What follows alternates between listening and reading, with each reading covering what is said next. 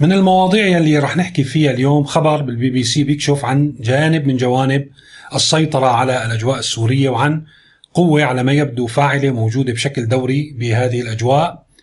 حكينا بالأيام الماضية بفعل تواتر يعني الأحداث عن الواقع المعيشي المتراجع والكارثي الموجود ضمن مناطق النظام ولكن ماذا عن واقع المعيشة للسوريين خارج مناطق سيطرة النظام؟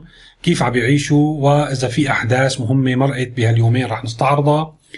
آخر شيء رح نحكي عن قانون هو يعني آه، بصدد الصدور آه، حول الجرائم الإلكترونية تجديد العقوبات على الجرائم الإلكترونية وتوسيع الحقيقة. إذا طبق هذا القانون رح يكون كل سوري ضمن مناطق النظام يستخدم شبكات التواصل الاجتماعي أو يعني يتابع الأخبار عبر الإنترنت ويتفاعل معها عرضة لعقوبة السجن. فإذا مرحبا وأهلا فيكم في استعراض أحداث اليوم الجمعة 17 كانون الأول 2021 الوضع في مناطق سيطرة النظام سيء وكارثي وتابعناه على مدى الأسابيع الماضية كان في تطورات كثيرة ولكن ماذا عن وضع السوريين خارج مناطق سيطرة النظام الوضع المعيشي؟ امبارح كان في زيادة للرواتب الأجور داخل مناطق النظام بنسبة 30% للعاملين على رأس عملهم و25% للمتقاعدين. أيضا في زيادة للرواتب والأجور في تركيا بنسبة 50% ولكن مثلا ماذا عن المناطق الشمالية شمال سوريا اللي واقعة تحت النفوذ التركي كمان صار في زيادة لبعض الشرائح آه، بتلك المناطق. لحتى ناخذ فكرة خلينا ناخذ مثلا العاملين في قطاع التعليم. كان في مطالبات كثيرة بزيادة الرواتب الأجور قبل ما يقرروا الزيادة على الرواتب في تركيا. مثلا مدير المدرسة كان ياخذ 850 إذا متجوز 850 ليرة تركي صار بياخذ 1200 ليرة تركي تقريبا 40% أو أقل شوي نسبة الزيادة. إذا بدنا ناخذ الحد الأدنى اللي هو المستخدم بياخذ كان 500 ليرة تركي صار ياخذ 700 ليرة تركي. هلا هل المبلغ هذا كافي؟ الحقيقة لا ما كافي. يعني 700 ليرة آه، تركي تقريبا بتساوي 40 دولار 40 دولار وشوي. آه، لا ننسى إنه الليرة التركية اليوم تخطط حاجز 16 ليرة تركية لكل آه، دولار. وفي مناطق الشمال السوري يعني وقت عم بيتعاملوا بالليرة التركية وتقريبا يشبه الوضع فيها من حيث أسعار السلع والخدمات ما هو في تركيا. فإن الأسعار تقريبا أعلى من مسيلاتها في مناطق آه، النظام وخاصة بالنسبة للطاقة الكهرباء والمشتقات النفطية هي تباع تماما بالسعر الحر. إذا في بعض الشرائح في الداخل السوري في داخل مناطق النظام تحصل على هذه المواد بالأسعار المدعوم آه، لحد اليوم في الشمال السوري ما في هذا الحكي. لحتى نعرف قديش هذا الراتب منخفض. مثلا ناخذ راتب المستخدم هو الحد الأدنى 700 ليرة. في تركيا بعد الزيادة يلي صارت امبارح الحد الأدنى هو 4250 ليرة تركيا يعني تقريبا ست أضعاف ما آه، يعني يستلمه الموظف في الداخل السوري اللي عم بتسيطر عليه تركيا وبالتالي الفجوة بين آه، رواتب وما مستلزمات الأسرة ونفقات الأسرة فرق كبير يعني أو فجوة كبيرة تعادل إذا ما كانت أكثر الفجوة الموجودة ضمن مناطق سيطرة النظام. هلا إذا بدنا نحكي على المناطق الشمالية الشرقية اللي هي تحت سيطرة قوات سوريا الديمقراطية في معاناة من من يعني من نوع آخر آه، نقص المواد في معاناة طبية في أخبار وصلتنا عن آه، وصول آه، كورونا لكثير من المناطق وحتى مع الأسف للأطفال يلي ما عم بيلاقوا محلات في المشافي يعني لحتى يلاقوا الرعاية الصحية الكاملة. اللافت كان مثل ما حكينا من كام يوم عن زيارة رئيس الائتلاف لرأس العين مثل يعني هذا الموضوع بنرجع بنذكر فيه لحتى دائما أحد أهم أهداف هالتسجيلات اللي عم بعملها إنه نكون تماما بالأجواء نكون دائما على أرض الواقع. آه، صاير سوريا دويلات كل يعني دويلة إلى رئيس وإلى زعيم. كان في زيارة للائتلاف رئيس الائتلاف لرأس العين. اليوم في زيارة كان لمظلوم عبدي اللي هو القائد قوات سوريا الديمقراطية لحقل العمر في آه، قريب من دير الزور في العمق آه، السوري واجتمع مع بعض آه، يعني شيوخ القبائل في تلك المنطقة. المقلق في هذه المنطقة أنه أغلقوا معبر رئيسي كان يربطنا مع العراق وكان السوريين يعني أنتم في شغلة ما بتعرفوا حتى الدخول لسوريا مثل ما بنعرف يعني في عندنا سوريا بين قوسين الرسمية الممثلة بالمنظمات الدولية وبترفع العلم المعروف وهي موجودة كدولة. ضمن المجتمع الدولي. هي يعني مدخل بيروت.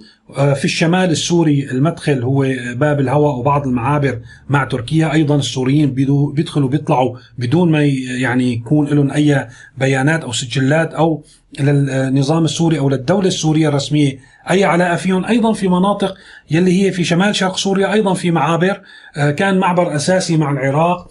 آه، بسموه فيش خابور. هذا المعبر أيضا تم إغلاقه يوم أمس فجأة. هو معبر رئيسي للعبور أيضا مو بس للأشخاص حتى للبضائع والأغذية. وكمان في أخبار إنه المعابر اللي كانت على طرفي نهر الفرات أيضا تم إغلاقها في الأيام الأخيرة. ما بعرف لسه ما يعني الصورة ما واضحة تماما ولكن يبدو إنه هو نوع من الحصار لهذه المناطق يلي الوضع المعيشي أيضا فيها متراجع يوم بعد يوم. من كام يوم كان في خبر لأسقاط طائرة مسيرة فوق قاعدة التنف القاعدة الأمريكية الكبيرة 52 آه، كيلومتر قطرها.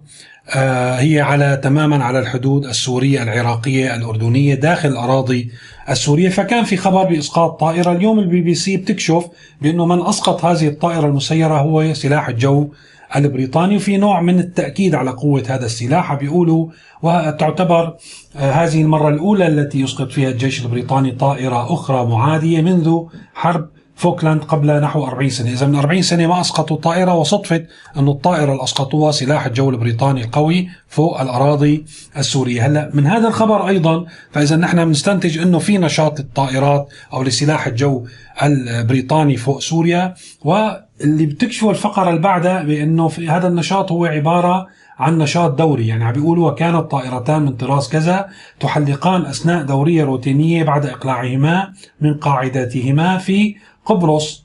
عندما طلب منها أو منهما التحقق من طائرة مسيرة صغيرة يوم الثلاثاء فإذا في دوريات آه، روتينية ربما يومية من قاعدة في قاعدة للسلاح الجوي في قبرص من قبرص بيطير على سوريا بيعمل دوريات وبيرجع على قبرص وهذا شيء روتيني ودوري منذ سنوات. فاذا هذا الجانب يلي ممكن يكشف لنا إياه هذا الخبر في قوة جديدة موجودة بشكل دائم فوق اجوائنا السورية.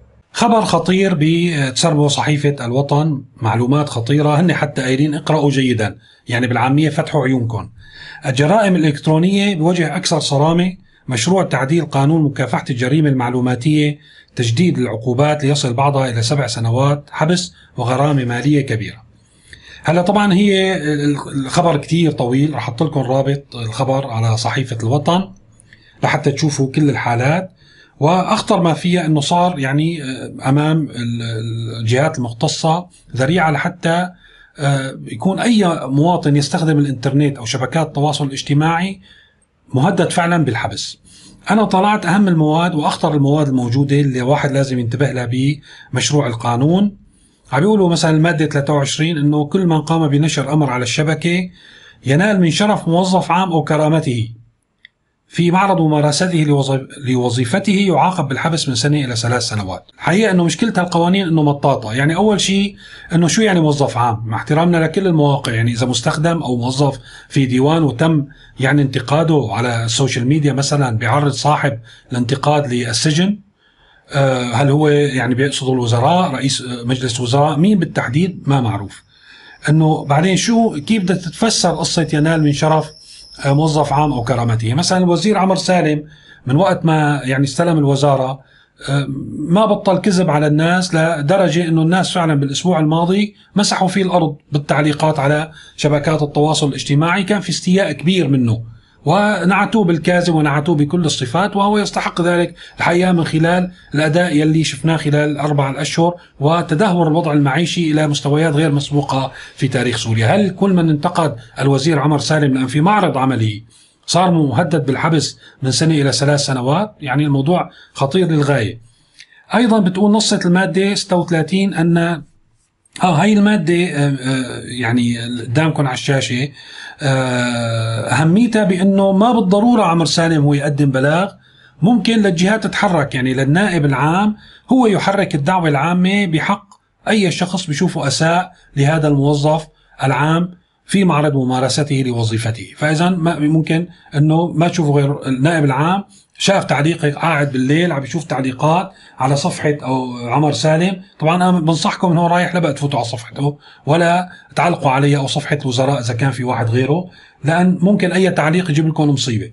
فممكن أنت يشوف هيك تعليق مسيء يلاحق صاحبه ويسجنه لثلاث سنوات. يعني هذا اللي بيفهم منا هلا كمان هي المادة خطيرة. عم بيقول ورفعت المادة السادسة من المشروع. هون عم يحكوا عن مقدم الخدمات على الشبكة يعني مزودي خدمة الإنترنت في سوريا. إنه هي بتتعاقب بتعاقب أي مقدم خدمات يمتنع عن تنفيذ التزامه بحفظ نسخة من المحتوى الرقمي أو المعلومات المخزنة لديه أو بيانات الحركة التي تسمح بالتحقق من هوية الأشخاص الذين يسهمون في وضع المحتوى على الشبكة. يعني واحد مخالف باسم مستعار على سبيل المثال بده يعرفوا مين وراء هالاسم لازم مقدم أو مزود الخدمة يأمن لهم المعلومات اللازمة إمتى اتصل مين هو شو موقعه الجغرافي شو التليفون الداخل منه لحتى يلقوا القبض عليه أو لحتى يلاحقوه قضائيا. هي معناها المادة. أيضا خطيرة. أيضا هي المادة غريبة عم بيقولوا اعتبرت المادة التي تليها ديك السادسة هي السابعة أن إعادة النشر على الشبكة بحكم النشر. يعني أنت فتت على موقع من داخل سوريا موقع موالي حتى لو كان سانا آه، حتى لو كان شبكة موالية ويعني آه، علاقتها بالنظام قوية وتهلل وتطبل للنظام كل يوم. وفيها منشور أو تعليق تم اعتباره أنه مسيء ويتم تجريمه وأنت نقلت هذا التعليق أو المنشور ونسبته لمصدره ما بيعفيك من الجريمة أنت تحاكم مثل ما بيحاكم الناشر. وحتى هي المادة بتعطي صلاحيات أكثر مو بس بيتم يعني إنه بيزتوك بالسجن وبيطلبوا من مزود الخدمة التعديل أو الحذف مثل ما حكينا. أيضا لهم الحق بمصادرة كل الأدوات اللي استخدمتها للدخول على الإنترنت. فهن بيدخلوا على بيتك عندك لابتوب عندك كمبيوتر عندك موبايل كله هذا ممكن يصادروا.